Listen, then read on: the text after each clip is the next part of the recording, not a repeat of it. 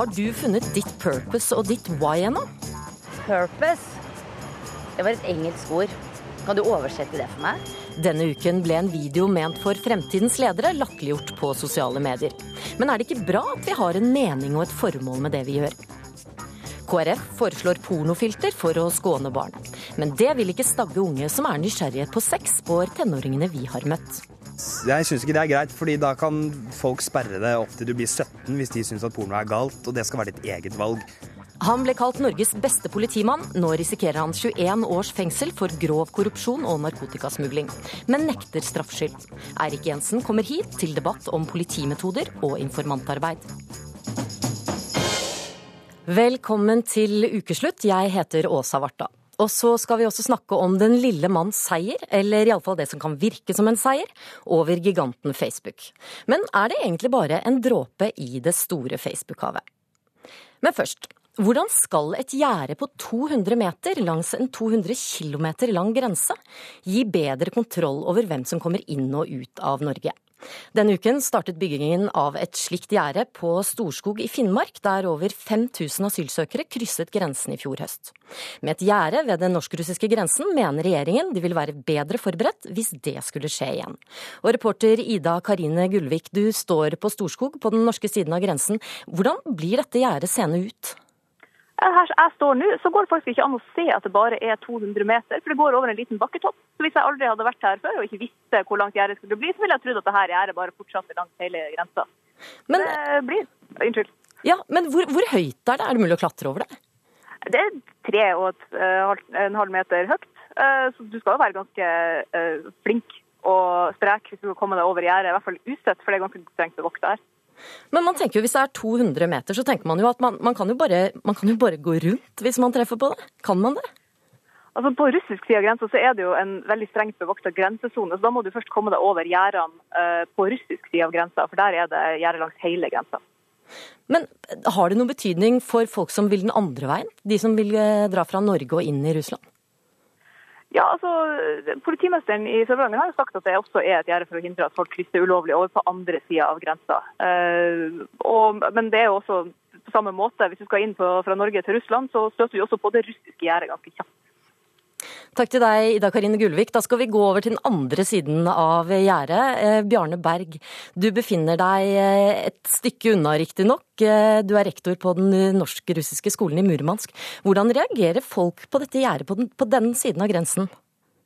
Ja, god dag. Folk i Murmansk og media generelt er jo, stiller seg litt overraska og stiller seg undrende til det her. Hvorfor det? Og, jo, fordi at som på norsk side så stiller man spørsmål ved logikken, hensikten, eh, ved bygginga av gjerdet. Eh, det skal være 200 meter langt, og som vi vet så har vi en 196 eh, km lang felles grense med, med, Russland. og Det fremstår jo som litt absurd. Det er jo ikke sånn at folk er så naive hvis de har tenkt å ta seg ulovlig over, at de tar seg over like ved grensestasjonen. men, men blir det sett på som en provokasjon? Fra noen, ja, faktisk. Spesielt sentrale aktører i norsk samarbeid, eh, og media og noen lokale politikere. Eh, det blir jo sett på som en slags symbolpolitikk. Og Man kan jo seg, spørre seg om hvilke signaler norske myndigheter sender til folk i grenseområdet. Og hvilke konsekvenser kan dette få for samarbeid og samhandling med Russland. Men, men, er det ingen refleksjon over at gjerdet på den russiske siden er jo faktisk mye lenger? Ja, det er jo det. Og det er også en del av uh, argumentene her at det eksisterer allerede et gjerde på russisk side, så men du, men du, er jo rektor på den norsk-russiske skolen og er veldig opptatt av forbrødringen. Jeg er ikke rektor, jeg er stedlig leder. Ja, ja du er leder, ja. Men eh, det, det gjerdet det hjelper kanskje ikke på, på, dette samarbeidet? For forbrødringen? Nei, det gjør ikke eh, Som vi vet, så i flere så har vi hatt et veldig godt folk-til-folk-samarbeid og grenser. Og det kan jo virke som at norske sentrale myndigheter i Oslo ikke er godt nok orientert om lokale forhold. Mm. Takk til... Jeg, representerer jo, som du sa, den norsk-russiske videregående skolen i Murmansk. Og vi har faktisk det siste året sett en nedgang i antall søkere til skolen, både fra norsk og russisk side. Takk til deg, tusen takk til deg, Bjarne Berg. Ove Vanebo, statssekretær i Justis- og beredskapsdepartementet. Du hører her det blir dårlig stemning av dette gjerdet. Hvorfor er det så veldig viktig for dere å få det opp? Altså jeg, jeg, hører jo hva, hva, man sier her, men samtidig så er det sånn at uh, dialogen med russiske myndigheter er veldig god. Og vi har selvfølgelig snakka en del med den russiske grensekommissæren, som da ikke hadde noen innvendinger mot å sette opp gjerde. Eh, når det gjelder hvorfor vi gjør det, så er det jo selvfølgelig helt riktig at uh, dette er jo ikke tiltak som sikrer hele grensen, men poenget er at det aller meste av folkestrømmen kommer til å gå akkurat på dette passeringspunktet. Og Av den grunn så er det veldig viktig at vi har kontroll akkurat på det stedet. Og Eh, så kan man jo si at man kan gå andre steder også, men da, da har man jo selvfølgelig grensevakter og annet personell. Så, så, igjen, det vil ikke hjelpe hele grensa, men akkurat på passeringspunktet så er det fornuftig å ha det. Rune Rafaelsen, du er ordfører i Kirkenes, og du er med oss fra studio der. Det var kaos på Storskog da flere tusen flyktninger kom i fjor, høst. Forstår du regjeringens behov for å være føre var, hvis det skulle skje igjen? Hadde regjeringa fulgt opp sitt eh, program når det gjaldt eh, nordområdene, det som står i regjeringserklæringa 2013, så hadde det vært bygd en ny grensestasjon. og Da hadde vi sluppet denne diskusjonen overhodet. Eh, det som, var, som, skjedde da i fjor høst, var jo at det kom veldig overraskende på Norge, og også, vil jeg påstå, på Russland. Det tok en måned før man forsto i Oslo hvor alvorlig det var, men da tok det lokale politi og kommunen ansvaret. Vi, tok vare på 3500 av de 5500. Så det var et eksempel på at Norge var uforberedt. Men hadde man fulgt opp regjeringsplattformen fra 2013, hvor det står at det skal bygges ny grensestasjon, så hadde denne diskusjonen eh, vært unødvendig. Jeg kom over grensa i går kveld. Eh, jeg har vært på en stor konferanse, internasjonal konferanse i Murmansk og snakka om norsk-russisk samarbeid i en europeisk kontekst. Og det eneste de spør meg om, hvorfor bygger Norge denne gjerdet? Og jeg har kryssa denne grensa altså flere hundre ganger, og det er helt umulig å krysse og, og komme inn der ulovlig. Det står på alle språk at når du er inne i denne sonen, så må du ha visum, og det er flotte politiske politifolk og, og, og på begge sider. Det finnes ikke et eneste eksempel på at noen som har kryssa grensa eh, på, på, på, eh, Storskog ulovlig. Overhodet. Men det man kan si... Ja, men jeg skal bare spørre Vanebo, Kunne dere, som Raffelsen sa, gjort dette her på en smidigere måte? Eh, jeg hører jo det som sies at man heller burde ruste opp grensestasjonen kraftig. Og, det er selvfølgelig et eh, godt tiltak som vi eh, i prinsippet er for. Men det som er, er saken, er at i fjor så fikk vi en såkalt konseptvalgutredning, som da redegjør for hvordan en, en sånn stasjon bør se ut, og, og hva slags forhold man bør være klar over. Og Det man tok opp der som er veldig viktig, eh, og grunnen til at man ikke har gått videre, er at eh, for det første så er det sånn at eh, vi er jo nødt til å ha et system som korresponderer noe med russernes system. På hvilken måte gjør det gjerdet det? Det er jo sikring akkurat på det punktet, mm. men, men, jeg tenker at det er litt to forskjellige ting. fordi Den, den stasjonen er nødt til å være utforma sånn at den tar hensyn til hvordan russerne kommer til å utforme sin grensestasjon. Og Før vi da vet eksakt hvordan russerne har sine planer klare, så risikerer vi å sette i gang masse feilinvesteringer. Og av den grunn så har vi da beslutta å utsette det. Men eh, selvfølgelig så er dette noe vi vil komme tilbake til når vi da vet litt mer om eh, de russiske myndighetenes planer, som vi har eh, god dialog om. Du, Rafaelsen, du kaller dette for utenrikspolitisk umusikalsk. Hva mener du med det? Ja, altså, det, det, er jo, det, er jo, helt unødvendig, den diskusjonen vi har nå her. For at Det som vi faktisk diskuterer nå, det er, jo, det, er jo det som man på russisk kaller for Potempins kulisser. Altså Man setter opp et gjerde eh, som har ingen betydning, og så diskuterer man altså en, en situasjon som er helt under kontroll. Det, aldri, det fantes ikke en empiri på det, det, vi snakker om. Men det som er viktig, det er jo det at når jeg kommer til Russland og internasjonal presse, så spør de hvorfor eh, bygger Norge? Og jeg kan ikke svare på det, for det finnes ikke noe empirisk grunnlag. Det kom en eh, kineser over i fjor høst på tøfla over grensa Jakobselv. Altså helt uavhengig av det. Sånn at Det som Norge gjør nå her, det er ren symbolpolitikk, og det er sånn, sånn typisk Potemkins kulisser man, man, gjør det. Så det som, det som, er viktig, det er at man holder fast ved det som regjeringa sa i, i, sin plattform, nemlig at det skal bygges en ny grensestasjon. Hadde man gjort det, så hadde man sluppet hele denne diskusjonen. Vannbo, altså nå, Vi har hørt om andre murer. Donald Trump vil ha en mur mot Mexico. Ungarn vil sette opp, eller har satt opp høye piggtrådgjerder. De skal bygge en, bygge en, mur i Calais. Vil vi assosieres med den type eh, grensemurbygging? Nei, men det, det, er jo også en grunn til at vi ikke bør gjøre det. og det er jo at Dette er noe helt annet. For dette er et veldig avgrensa område som blir sikra. Og så, så, må man se dette litt i perspektiv. I 2014 så starta russerne en, en opprustning av sitt system rundt, rundt sine sikkerhetsgjerder. Og der har man man da fått eh, et kraftgjerde med bl.a. elektroniske følgere på. Eh, da sa eh, den norske grensekommissæren at det var et veldig fornuftig tiltak, fordi det også er med på å sikre norsk grense. Så jeg tror man må slutte å sette opp denne motsetningen mellom at det som er bra for norsk grense, er dårlig for russisk, og motsatt. For poenget er at begge land har en felles interesse av at grensa er sikker, og da er det bra at både Russland og Norge har gode, sikre barrierer som hindrer ukontrollert tilstrømning av mennesker. Raffelsen? Nei, Det som er viktig, det er jo at vi fortsetter det, det her samarbeidet som vi, som vi, jobber med. og Det som jeg også sa til den internasjonale konferansen, vi fra, fra norsk side vi vil stimulere til økt eh, trafikk, eh, og, og, da trenger man en ny grensestasjon. Eh, det gjerdet her har, har ingen eh, praktisk betydning, det er en avsporing. Eh, men det som, er, det som er, viktig, det er, jo, det er jo at man hele tida har et, et, et, et, reelt forhold til, til, Russland som er praktisk eh, på alle måter. Altså, Det som skjer på norsk side, det skal kun Norge bestemme, det har ikke Russland noe med å gjøre. Men det her handler om om et investeringsprosjekt som er helt unødvendig, som ikke fremmer samarbeid. Det er jo derfor folk reagerer på det. Det er jo ikke fordi at, at, at, at russerne har noe med det å gjøre. Det får bli siste ord. Takk til dere, Ove Vanbo og Rune Rafelsen. Denne uken publiserte Oslo Business Forum en eh, video på Facebook som har fått veldig mye oppmerksomhet. Men kanskje ikke helt på den måten de hadde tenkt. Folk hang seg nemlig mer opp i bruken av engelske ord, intens gestikulering og tegninger med tusj på tavle enn i videoens formål, eller purpose som du vil, som var å formidle at unge arbeidstakere kommer til å kreve en mening med jobben de skal gjøre i fremtiden, ikke bare penger. Vår reporter Daniel Eriksen spurte folk hva deres why og purpose er. Hva er ditt uh, purpose? Oi, mitt purpose eh, Det er et veldig godt spørsmål. Det er et vanskelig spørsmål, men det er også viktig. Skal vi tro videoen fra Oslo Business Forum som har gått sin seiersgang i sosiale medier den siste uka. Sørg for at bedriften din har et emosjonelt forankra purpose. I videoen bruker to konsulenter en rekke engelske låneord som why og purpose for å beskrive hva som er viktig for en bedrift i 2016. Men hva er det egentlig de sier? Purpose? Det var et engelsk ord. Kan du oversette det for meg? Hvis jeg spør eh, hva er ditt why? Oi. Det er liksom ikke små spørsmål heller. Videoen ble publisert som en promotering for Oslo Business Forum, en nystartet teknologikonferanse der den billigste billetten koster 6000 kroner. I videoen sitter de to fra konsulentfirmaet Brainwells i Oslo og tegner tankekart med sprittusjer, fekter ivrig med armene og prøver å forklare at det viktigste ordet for en bedrift i 2016 er Purpose, det er hvorfor en bedrift er til.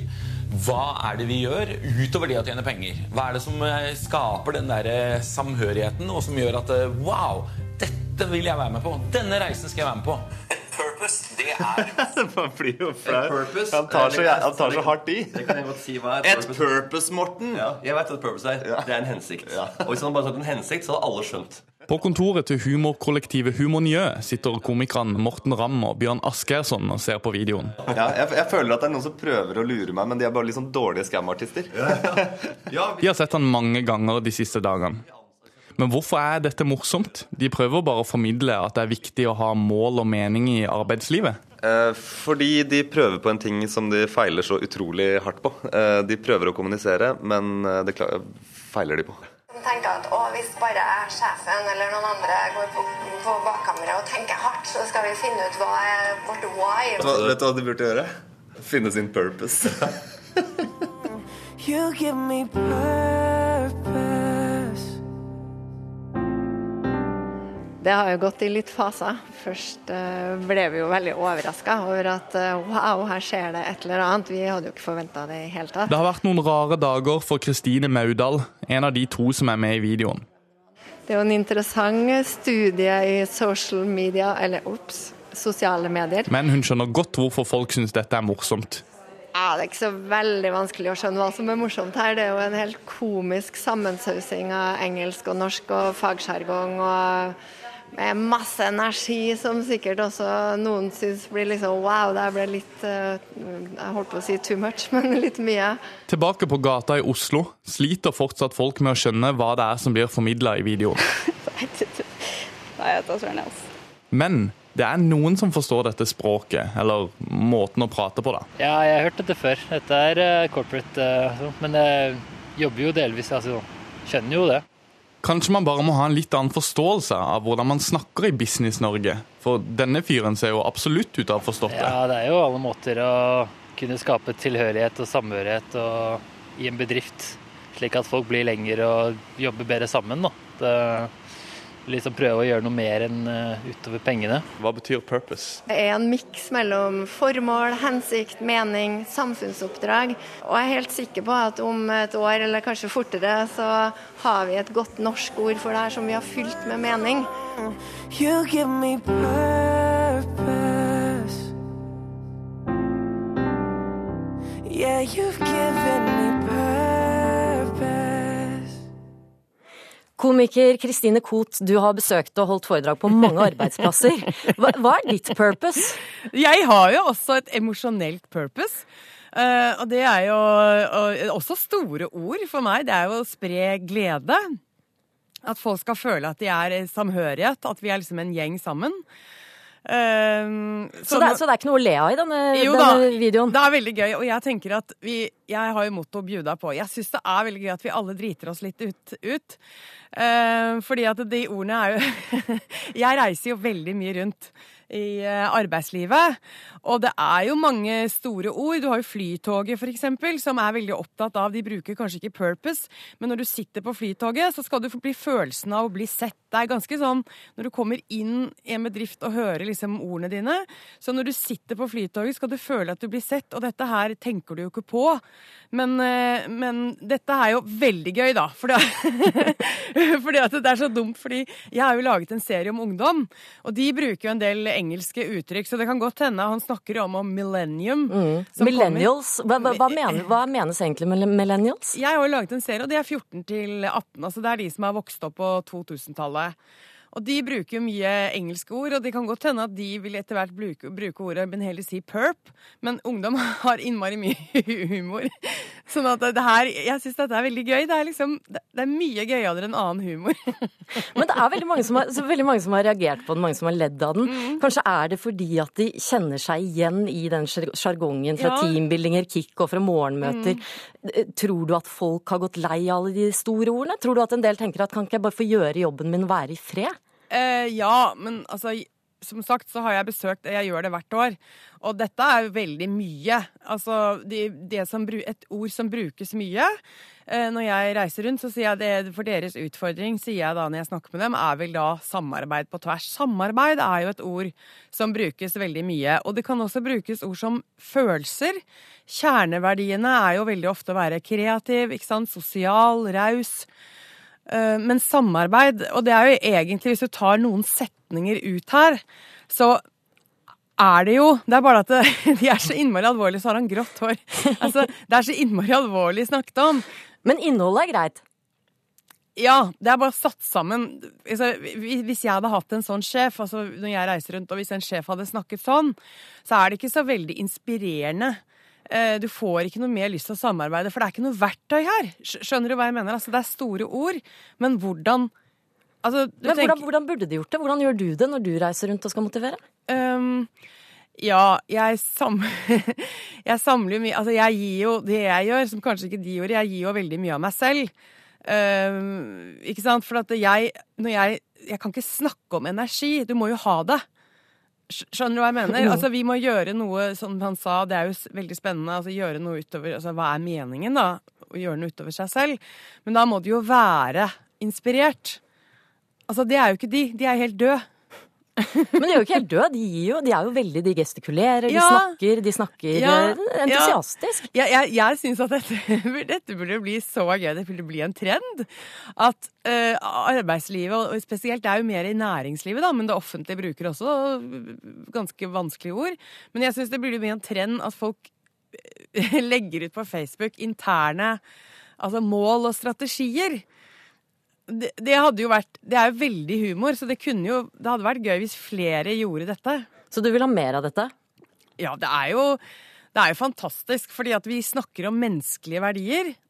Vi lever i en tid hvor vi skal være oss selv, og det sier jo ungdommen også. Det er veldig tydelig at det er det viktigste, å være seg selv. Men har det ikke alltid vært det? Nei, nå er det jo Altså, det blir bare mer og mer. Jeg fikk også høre det er viktig å være seg selv, men nå tror jo ungdom på at de kan få til litt sånn som den visjonen av det vi så. Det er mulig, da. Det ligger jo bak alt at det er mulig å få til hva du vil, bare du er deg selv. Og det er jo Altså, det er noe vi sier veldig mye til barna våre og til ungdom, og det er liksom en sånn uten at man skjønner helt hva det vil si. For jeg har jo prøvd å være meg selv, og det blir jo ganske mye bråk av det òg. altså, hva er å være seg selv? Men det er liksom sånn at jeg, jeg mm, Ja, dette er veldig, veldig gøy. Jeg blir veldig godt humør av dette. Men tror du, så du tror at eh, jeg på å si kidsa, du kommer jo med en, eh, Ja. et nytt TV-program Ja. som, Ja. som handler nettopp om den Koto Kidsa, som sier. Eh, tror du at de eh, ikke De ler kanskje ikke så mye av det og, Jo, jo, jo, og mener at dette er, dette er de- riktig? Nei, nei, nei, nei, de hadde ledd av det, og de snakker jo et mye mer hjertespråk. Altså, Ungdom i dag, når, når de kommer til å se serien også, altså ungdom snakker veldig rett frem. De har ikke ironi. Eh, de, ironigenerasjonen er jo død, så de snakker veldig, veldig tydelig, veldig ut fra hjertet sitt. Uh, og er veldig snille og omtenksomme og veldig åpne. Så vil, eh, de som ser på den serien, vil jo oppdage at ungdom er jo veldig lett å høre på. De snakker ikke sånn i det hele tatt. Dette, er, dette blir ut. Altså, dette er, dette er tull. det er bare tull. Så får vi håpe at de finner, finner sin purpose uansett. Eh, Ja, Tusen takk, Kristine Koht. Du hører på Ukeslutt. Fortsett med det, så får du høre at eh, han har skrevet krimroman om en politimann som opererer litt på siden av loven. Men eh, i virkelighetens politiarbeid finnes ikke gråsoner, mener Eirik Jensen. KrFs Kjell Ingolf Ropstad vil eh, gi deg pornofilter på datamaskinen for å skjerme barna. Som å stikke hodet i sanden, svarer forsker. Det startet så fint med kake og feiring da Facebook åpnet kontor i Oslo i mai. Verden er blitt mye mindre takket være Facebook. Velkommen med kontor også i Norge. Men eh, så i går fikk pipa en annen låt. Altså, jeg reagerer jo på at Facebook da sletter det, ikke bare fordi jeg er statsminister, men fordi jeg mener jo, mener jo for det første at de burde tillate ytringsfrihet. Kjære Mark, jeg har skrevet et brev til deg. Dette var et historisk krigsspill. Nå har vi i Aftenposten altså mottatt et brev fra Facebook sitt kontor i Hamburg som sier at vi må fjerne dette bildet. De må kunne klare å få en redigeringspolitikk som ikke Fordi at det er et bilde hvor noen er naken på, eh, som, som da fjerner det.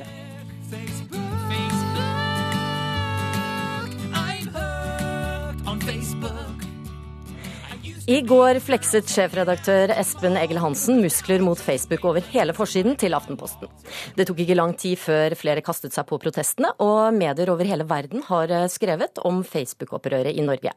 Men forfatter Tom Egeland, det var faktisk du som startet det hele da du la ut dette bildet for noen uker siden. Gjorde det for å provosere fram en reaksjon fra Facebook? På ingen måte. Tvert imot var ikke mine tanker at eh, dette skulle ende opp som et korstog mot Facebook, som det jo nesten kan se ut som. Jeg publiserte syv historiske, ikoniske pressefotografier sammen med en liten refleksjon om pressefotografiets plass i verdenshistorien.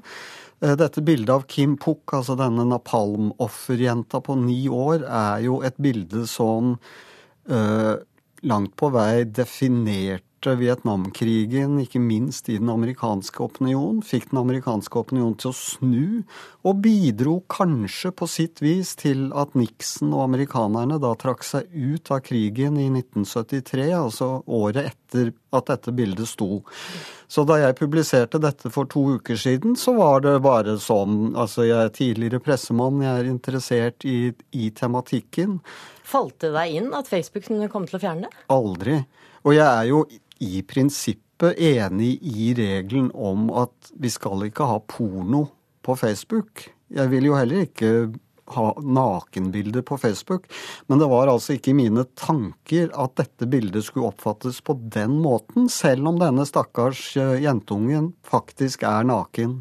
Men så sier jo da Facebook de vil ikke ha nakenhet. Er det verdt at det kanskje fjernes et sånt bilde for å unngå at det f.eks. legges ut et, et bilde av barneporno? Barneporno og porno i det hele tatt er jo ingen av oss som vil ha. Mitt anliggende, altså grunnen til at jeg har vært kritisk til Facebook, er jo at dette skjer så automatisk. Eh, Det er ingen redaktørinstans i Facebook som vekter disse spørsmålene mot hverandre. Jeg ble selv utestengt av en eller annen anonym instans fordi jeg da hadde brutt denne regelen. Men det er ikke et menneske som da begrunner dette og som sier sånn og slik, som hvis en sier avis eh, fjerner noe, da. Sånn at eh, for meg har det vært mest viktig å, å etterlyse eh, en, en redaktør, en redaktørinstans, som per i dag ikke fins. Men nå sa jo Facebook i går ok, det bildet skal vi ikke sensurere.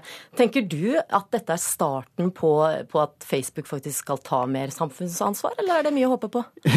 ja, men altså det var jo mye å håpe på at de skulle snu denne, i dette spørsmålet i det hele tatt. Altså, jeg tenkte at dette er en kamp, tapt uh, kamp, men jeg kan nå i hvert fall si ifra. Uh, å få Facebook til å snu, om enn bare om dette ene bildet føles jo litt som hvis jeg i ukevis har mast på Coca-Cola om å ha mindre sukker i cola, og så sier plutselig Coca-Cola OK, jeg er i grunnen enig med deg, du har rett, vi skal ha mindre sukker. Så det viser at ja, det nytter faktisk å protestere, selv i et bitte lite land som Norge. Du har jo nå sittet i intervjuer med flere internasjonale medier. Dette har vakt stor oppsikt. Kommer du til å fortsette kampen? Kommer du til å legge ut bilder som du skal sjekke om, Facebook eh, sensurerer eller ikke? Nei, altså På ingen måte, for det, dette har ikke vært noe korstog fra min side. Jeg, ble, jeg var bare uenig i dette tilfellet. Og så er det jo sånn at det, det er mange viktige og alvorlige sider ved norske medier og internasjonale mediers liksom giftermål med Facebook. De bruker jo Facebook som sitt publiseringsverktøy eh, på sosiale medier. Så denne saken er overhodet ikke ferdig, og den er ikke ferdig debattert. Men eh, jeg vil helst skrive mine bøker i fred, og har ikke tenkt å gå i krigen verken mot eller for Facebook. Takk til deg, Tom Egeland. Han eh, ble kalt Norges beste politimann, og fikk bl.a. æren for å ha bekjempet gjengkriminaliteten i Oslo. Men så, i februar 2014, ble Eirik Jensen pågrepet av sine egne, mistenkt og senere tiltalt for å ha hjulpet en informant med å innføre flere tonn med hasj, og for det å ha mottatt verdier for over to millioner kroner. En historie som tatt ut av en kriminalroman. Og Eirik Jensen, det er nettopp en kriminalroman du har skrevet, 'Attentatet', som handler om den litt uortodokse politimannen Sjur Holt. Er det dine arbeidsmetoder du, er det dine arbeidsmetoder du skriver om?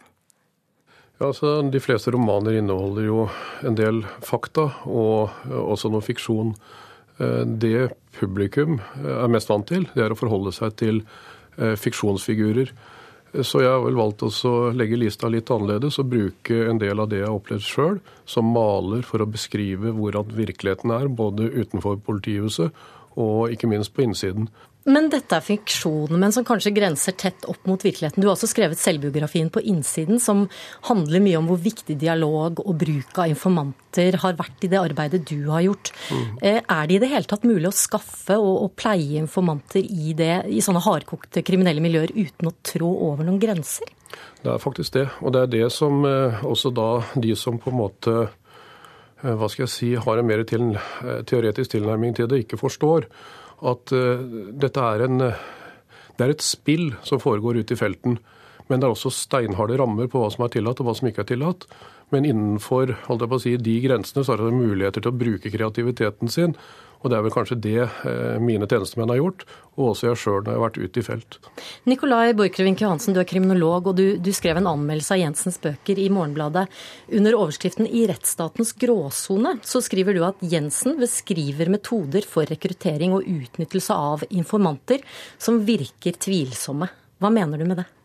Uh, den anmeldelsen var jo uh, rettet uh, mot både selvbiografien til Jensen og til, til, romanen. Og i disse fortellingene så, så, er det en sånn slags overlappende virkelighetsbeskrivelse der ja, informantbehandling og, og kildebehandling eh, framstår som, eh, som, en sånn ja, ja, uklar for meg da, som leser, og jeg har jo nok en teoretisk tilnærming ifølge Jensen. Men eh, men mener du at Jensen og hans kolleger bryter eh, regler i, i, arbeidet med informantene? Um, jeg tror ikke de reglene er så entydige og steinharde som Jensen selv sier her. Eh, og det, det handler ikke om hans eh, forvaltning av regelsettet, det handler om hva politiets mandat er. Eh, deres oppdrag for samfunnet er jo å stå der som forvaltere av voldsmonopolet. Og det er de som skal passe på orden. Det ligger i deres mandat at de skal stå der og være de som er parat når det er den såkalte nødvendigheten melder seg. Og det er jo det som er utgangspunktet for romanen at vi har et worst case scenario. og Det er jo tegnet opp sånn dramaturgisk helt enkelt og veldig tydelig også øh, for oss andre at her er et worst case scenario. Da nytter det ikke å stå og ringe til sjefen høre hva er riktig øh, fremgangsmåte her. Da må det handles raskt og effektivt. og Man er kanskje nødt til å, å, å foreta handlinger som, som, i andre sammenhenger ikke ville vært akseptable. Mm. Men Jensen, du, du mener Borchgrevink har, har misforstått. Hva ja, jeg er det, hva er det han ikke? Han har misforstått veldig. for at er det en virksomhet i politiet som er eh, på en måte regulert, så er det akkurat bruken av informanter og kilder. Det er en nasjonal det er instruks, og det er en, også en lokal instruks som er veldig stram. Så jeg tror ikke du skal være redd for at man opererer i noen gråsone her. Men det er klart at det er som alt annet politiarbeid. Det er eh, når situasjonen melder seg, så må du gjøre en polititaktisk vurdering. Og Den vurderingen den skal du gjøre i løpet av sekunder. Det er enten å trekke et skytevåpen eller gjennomføre en knallhard pågripelse. Eh, dette her er vår hverdag. Og det det jeg har registrert, det er veldig lite overskrifter i media om at vi har tråkket feil. Men, har... men, er det ikke tilfeller hvor du har tenkt at dette er kanskje ikke lov, men, men målet helliger middelet? Nei, faktisk så har jeg ikke tenkt sånn. Og det tror jeg ikke mange av mine kollegaer har gjort heller. Jeg tror rett og slett at eh, man ut ifra erfaring, da, for det er jo ikke uerfarne tjenestemenn som driver med informanter og kilder. Det er folk som har både grunnutdanning Eh, og praksis. Og så er de godkjente. Eh, det, vil si, det er også et kontrollørnettverk som følger hver enkelt informantbehandler. Slik at det jeg tror vi må dele det opp i, det er det at operativt ute så kan det uforutsette skje. Informantvirksomhet er den eneste muligheten for politiet til å komme på innsiden av de miljøene som publikum forventer vi skal ha kontroll på. Men det, Jensen misforstår meg faktisk litt. for jeg, Når jeg sier gråsoner, så mener ikke jeg det er negativt. Jeg mener ikke å si at, eh, at, de har gått over streken eller gjort noe som er feil. Det jeg mener å si, er at eh, Men du eh, sier jo at det virker som om på en måte eh, det, det, nødvendigheten trumfer reglene i noen ja, tilfeller. Men det er jo ikke, et, det er jo ikke noe som politiet eller polititjenestepersoner kan gjøre ute i felt. og, og og, på en måte forhandle det helt rent. Det er jo et problem i rettsstaten. Det er ikke et problem, det er en iboende egenskap i rettsstaten. Da, for å ta et helt annet eksempel. Eh, da, da PST het det vel den gangen eh, overvåket Treholt eh, med videokamera, så var jo ikke det det var jo ikke nedfelt i lov, i hvert fall ikke det som var offisielt kjent som lov på det tidspunktet, men kanskje var det riktig likevel. Og det er jo fordi at når man eh, Etterretningstjenesten og eh, politiets hemmelige tjenester, de eh, står jo der i en situasjon hvor de skal forsvare rikets sikkerhet. Og, og, der det, ja, og, der er det, jo en situasjon hvor man er nødt til å, å tenke hva er det som er nødvendig, og gå litt utenfor og forhandle med hva er er det som er lovlig? Bare som å ta et annet eksempel som ikke handler om deg, for dette handler jo faktisk ikke om deg for min del. Nei da. Men uh, for å si det sånn, da, så, så, så hører jeg kriminologen prate. Uh, og jeg er da en praktisk enkel politimann. Når det gjelder PST, så skal jeg ikke uttale meg så veldig mye, men de har et regelsett som er nok antageligvis litt mer uh, hvitt enn det, det, vi hadde på, på den tiden jeg startet. Men nå skal vi vite det at all informasjon som innhentes via informanter og skal brukes i en kommende rettssak, det skal juridisk klareres. Dvs. Si du kan ikke starte en etterforskning uten at en jurist har godkjent, og han konsulterer ofte statsadvokaten. Slik at jeg tror vi skal koke det ned til å si at det du peker på i boka, som er den brutale virkeligheten, dvs. Si det er beskrevet noen pågripelser her i et eh, særdeles eh, voldelig miljø. Og da eh, er det ofte at politiet trøkker skikkelig til. Det er både for å opprettholde overraskelsesmoment og ikke minst markere at vi tar kontrollen. Men eh, det, det, er jo nettopp i disse tøffe miljøene du har hatt mange av dine informanter. og Nå skal jo din sak, sak, opp i retten i januar, og du er tiltalt nettopp for samarbeid med en informant. For å ha mottatt over to millioner kroner i verdier og tjenester, og for å hjelpe til å innføre hasj. Er ikke du et bevis på at eh, informantbehandlingen kan gå for langt? Jeg er helt enig at det kan oppfattes slik, men nå skal vi også da eh, Greit, tiltalen ligger der den forholder jeg meg til. Men eh, det er mye her som ennå ikke har kommet fram, som vil komme frem i retten. Og jeg tror nok at bildet blir rimelig nyansert. Men det å drive med informanter, det er alle klar over har en risiko. Det å bli utsatt for påstander, det er ikke uvanlig. Eh, slik at eh, det har ikke vært mye av det. Men i denne saken så er det masse påstander, og det ser jeg virkelig fram til å møte i en rettssal, hvor jeg faktisk kan legge taushetsplikt til side. Og så kan jeg begynne å dokumentere og motdokumentere. Så det er en del av strategien som advokatene nå jobber med, og som jeg jobber med. Så, så, jeg tror ikke vi skal ta altfor god fisk, for det har vært enveiskjøring her. Jeg har aldri kommentert saken i media. Det er det andre som faktisk har stått for, og det er kjøpt som en sannhet. Og Den er også kjøpt andre steder, men nå får vi se når denne prosessen starter. Mm. Dette skal altså da retten ta stilling til når saken kommer opp etter jul. Takk til dere Eirik Jensen og Nikolai Borchgrevink Johansen. Hvis dette er lyden som kommer fra husets PC, og barnet ditt sitter ved tastaturet, hva gjør du da? Kristelig Folkeparti vil at pornografien på nettet skal lukes bort av et filter fra nettleverandøren. Dette vil beskytte små barn fra å finne porno på nettet, mener de. Men er det bruk for et filter? Reporter Kari Li så på porno i arbeidstiden. En slank kvinne med kjempepupper og en mann med stor penis har høylytt sex i et rom med flomlyset på. Pornofilmen er gratis og så enkel å finne på internett at alle som kan stave porno, kan få en titt. Men bør barn kunne gjøre det? Du burde ikke se på det når du er sånn åtte år.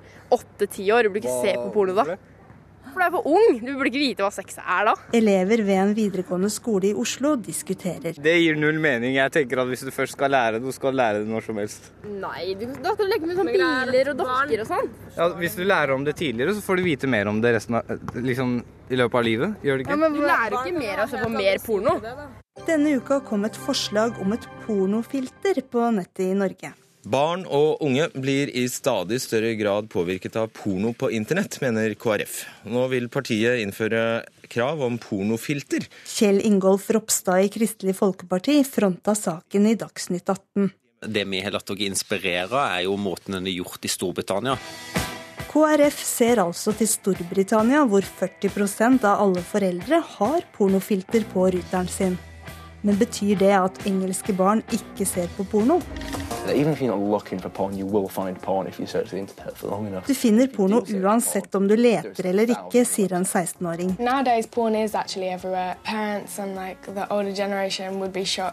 Porno er overalt, og de gamle ville bli sjokkert, tror en 15-åring.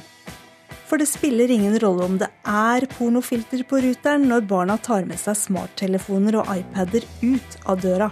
You just go on Google, type in porn. Eh, vi skal snakke litt om squirting, for det har vi fått inn et spørsmål om. Her hjemme får Tuva Fellmann i Juntafil, P3s program om kropp og sex, stadig spørsmål om sprutorgasme. Eh, som er en eh, kan vi kalle det for en aktivitet som, som ikke nødvendigvis skjer så ofte, men det skjer veldig ofte på porno. Andre ting som får deg til å tenke at de har sett porno? Eh, de lurer på burde jeg ha analsex, eller burde jeg svelge. Eh, er det vanlig, gjør alle andre det?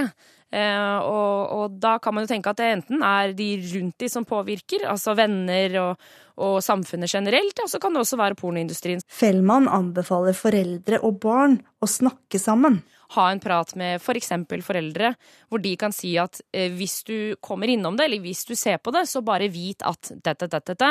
Istedenfor å si at eh, det der pornogreiene, det skal du fader ut av med holde deg unna.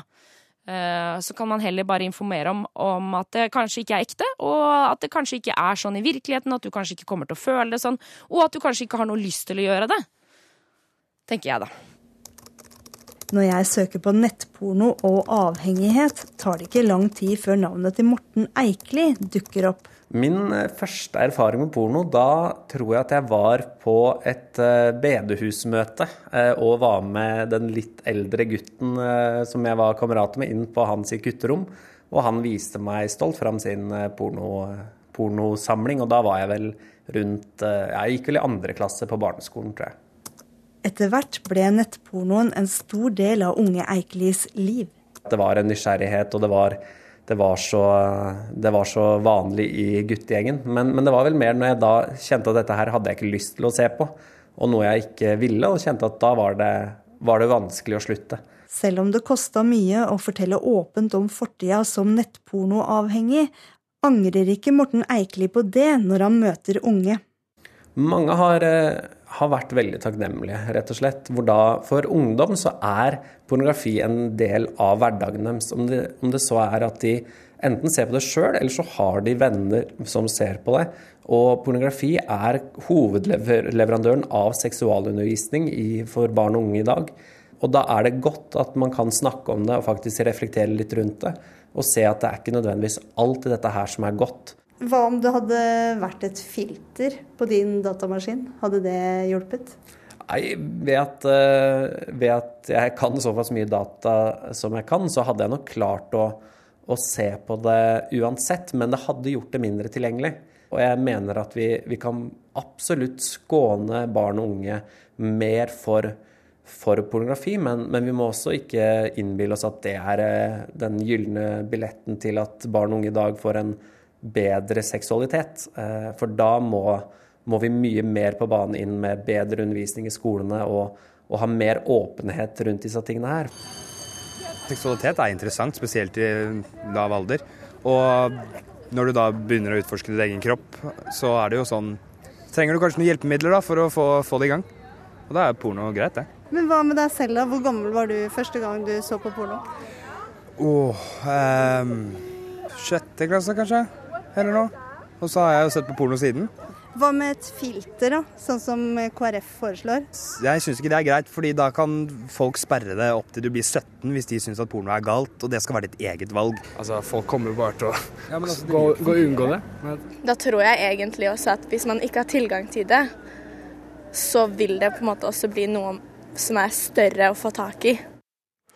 Kjell Ingolf Ropstad fra KrF, du har argumentert for et eh, pornofilter før, og du gir deg ikke. Hvorfor ikke? Nå sitter jo jeg i justiskomiteen på Stortinget, og i gjentatte debatter, enten det har vært vold mot barn, voldtektsdebatt og lignende, så ser en at diskusjonen rundt det å sette grenser, det å være trygg på sin egen seksualitet, dukker opp. Jeg tror jo tematikken porno og barn er viktig å diskutere nettopp for å kunne dra opp sånne diskusjoner som dette med grensesetting, lære om seksualitet osv. Men så vet jeg jo at det er altfor mange barn som lar seg inspirere av porno. Og Redd Barna sin undersøkelse her for ikke lenge siden, den sier f.eks. at gutter ønsker mer porno som viser hva jenter liker ikke.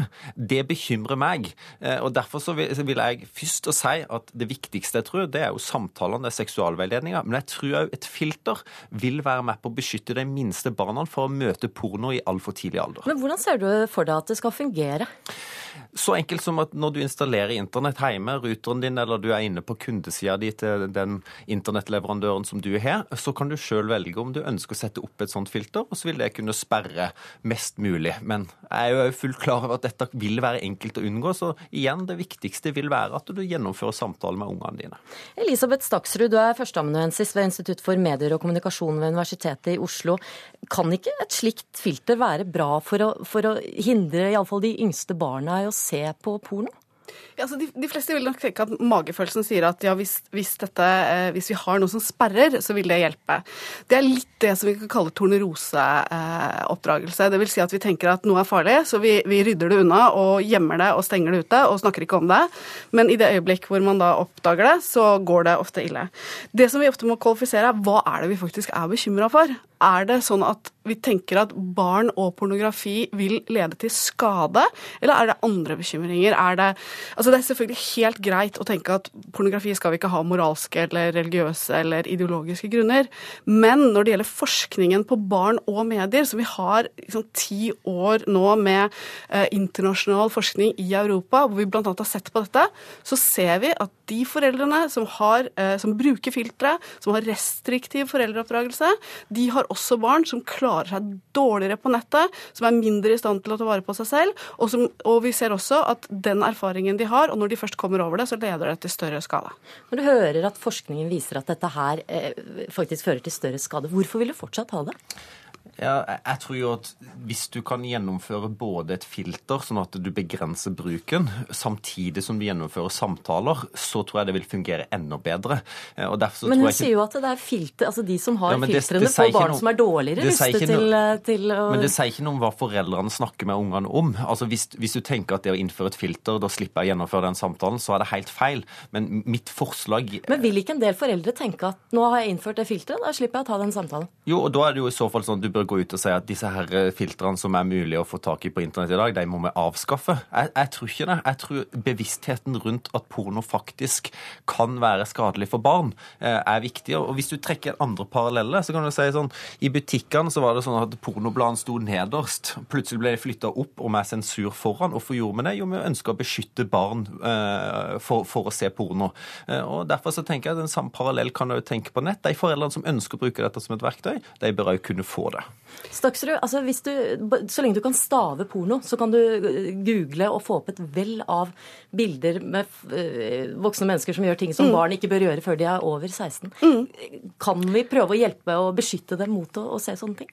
Ja, det kan vi, men ikke, ikke ved bruk av filtre, uh, sånn som vi ser det. Vi har jo målt også skadevirkninger, som det ble snakket om her. og Det vi ser, er at uh, av ulike typer risiko, så er ikke det å se pornografi er ikke det som leder til sånn typisk skade. Tvert imot så er det andre ting som er det. I den grad det gjør det, så er det for en, noen spesielle grupper. Det er ikke sånn at, vi, at, at at vi sier at man skal gå ut og se på porno. Men det er litt viktig å huske på at det er ikke sånn at når du skrur på maskinen din, så kommer pornoen og tar deg. Det er sånn at barnet selv, ungdommen selv, må gjøre noe aktivt for å oppsøke den pornografien. Og det er der nøkkelen ligger, nemlig med samtaler. Og vi har forskning også som viser at de foreldrene som installerer øh, og har restriktiv mediering, de snakker dessverre mindre med barna sine. Og vi vet også at de filtrene som er på markedet, og de filtrene som blir brukt, de opereres av kommersielle aktører aktører som har ulike typer restriksjoner, som ikke er åpne med hva de filtrerer. Og den debatten vi f.eks. hadde her i dette programmet i stad, som gjaldt sant, hva kan Facebook sensurere og ikke, hva er pornografi og ikke, det er den samme vi får. Det blir kommersielle aktører som bestemmer, og da ender vi opp i en situasjon hvor vi overhodet eh, Altså det, det, er kontraproduktivt, og vi ender opp med å installere, sånn som det blir foreslått her, filtre på eh, servernivå hos nettleverandører, hvor folk ikke vet hva som blir blokkert ut, og det er det som skjer i totalitære stater som vi ikke ønsker å sammenligne sammenligne oss med. Men dette, dette, er jo et frivillig filter, så sammenligne Norge med, med, Kina hvis vi hadde fått eh, et tilbud om et filter. Det syns jeg er helt latterlig. Eh, men hovedpoenget sitt er jo viktig. Altså, det, det, at foreldre gjennomfører samtale, er jo avgjørende. Så, og sånn som ble sagt her i det ene innslaget, at porno er seksualveiledning, eller den første seksualveiledninga som barn og unge møter. Det er jo det som må tas på alvor. Så når vi kommer til å fremme forslag i Stortinget, så er det jo hvordan kan vi eh, bedre totaliteten rundt det her. Og, og i, i det her her f.eks. rundt Hemsedal-voldtekten, som ble diskutert mye, så kommer jo tematikken opp igjen. Og, og jeg mener at eh, porno er destruktivt for barn. Så Derfor så syns jeg at det er viktig at vi som myndighet er med på å sende et signal om at eh, vi mener at det er viktig at de skal slippe eh, å, å få tilgang til det. Staksrud, kort til slutt. Ja, altså EU-kommisjonen eksempel, syns for en del år siden at dette også var en god idé å gå. Man satte inn millioner av euro i forsøk på å se om man kunne få til et europeisk filter i samarbeid med de største aktørene, sånn som IBM, Microsoft og til og med det som kalles adult entertainment, sånn som Playboy Lairfrint. De ga opp det forsøket og sa at dette fungerer ikke, både fordi vi ikke får til et filter som, som er, kan operere på en demokratisk måte, og fordi det faktisk ikke hjelper barn. Takk til dere, Elisabeth Staksrud og Kjell Ingolf Ropstad. Nå har eh, meteorolog Jon Smits sneket seg inn i studio mens dere diskuterte. Eh, Jon Smits, hvordan blir eh, været den helgen? Det blir litt blanding. Vi begynner i nord på Spitsbergen. Her blir det oppholdsvær og litt sol, mens Troms og Finnmark de får oppholdsvær i dag og perioder med sol. Søndag noe mer skyet fra sør, og på ettermiddagen litt regn sør i Troms. Om kvelden kommer det også litt regn på vidda. Eh, Nordland oppholdsvær i dag, men det kommer litt regn i kveld fra vest. Eh, fra i morgen formiddag får vi et vindfelt med vestlig kuling, kanskje liten storm inn i sør, og det brer seg nordover i løpet av dagen. og Det følger med regn og regnbyger og ganske mye nedbør nord for Bodø. Så får vi litt regn i Trøndelag i dag, oppholdsvær i Møre og Romsdal. Søndag blir det regnbyger og opp en liten kuling på kysten. Vestlandet sør for Stad, her blir det lite nedbør i nord, eh, nord for Bergen i dag. Ellers regn og lokalt mye regn i kveld og natt til søndag. Og utover søndag blir det vestlig vind, oppe i kuling ved Stad, og overgang til regnbyger. I fjellet regn av og til i dag, og så blir det vestlig vind i morgen, oppe i liten kuling, og da får vi regnbyger etter hvert, da. Og østafjells eh, lokalt mye regn i kveld og i natt eh, vest i Agder. Ellers litt regn, men litt økende utover eh, kvelden og natta. Og søndag vindregning mot vest og sørvest, opp i liten kuling utsatte steder. Og da blir det lettere vær etter hvert. Først i Agder og Telemark, og så utover dagen på Østlandet. Kanskje vi må vente litt uh, til ettermiddagen lengst i øst, da. Så kan vi ta noen kjappe temperaturer, kanskje. Nå klokken 13 så hadde vi 15 grader i Tromsø, 19 i Trondheim, og det var 17 i Bergen, 19 i Kristiansand og 17 i Oslo, men aller varmest i Tafjord, 22,8 grader. Det var ukeslutt med Vårt Purpose og Vårt Why. Ansvarlig for sendingen Jarand Ree Mikkelsen og Camilla Skarra. Teknisk ansvarlig Erik Sandbråten. I studio Åsa Vartdal. Takk for oss og god helg.